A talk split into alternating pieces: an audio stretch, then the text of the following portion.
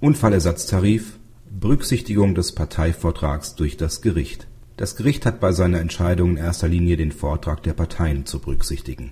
Insbesondere unstreitiger Tatsachenvortrag darf nicht übergangen werden.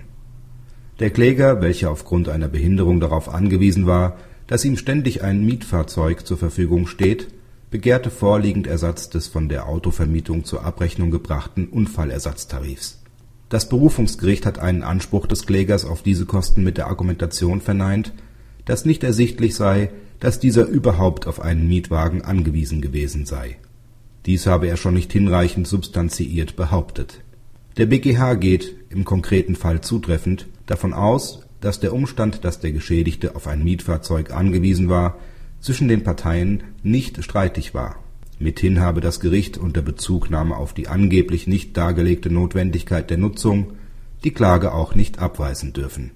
Weiterhin hat das Berufungsgericht nach den Ausführungen des BgH auch die Frage, ob dem Kläger ein günstigerer Tarif bei sofortiger Anmietung zugänglich gewesen wäre, nicht hinreichend aufgeklärt. Praxishinweis Die Entscheidung zeigt wieder einmal, dass in sämtlichen Entscheidungen auch bezüglich der Erstattungsfähigkeit von Mietwagenkosten die Besonderheiten des Einzelfalls darzustellen und zu prüfen sind.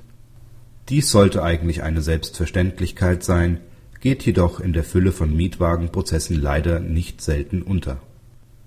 BGH Urteil vom 19.02.2008 6 ZR 32 aus 07 Beck RS 2008 04410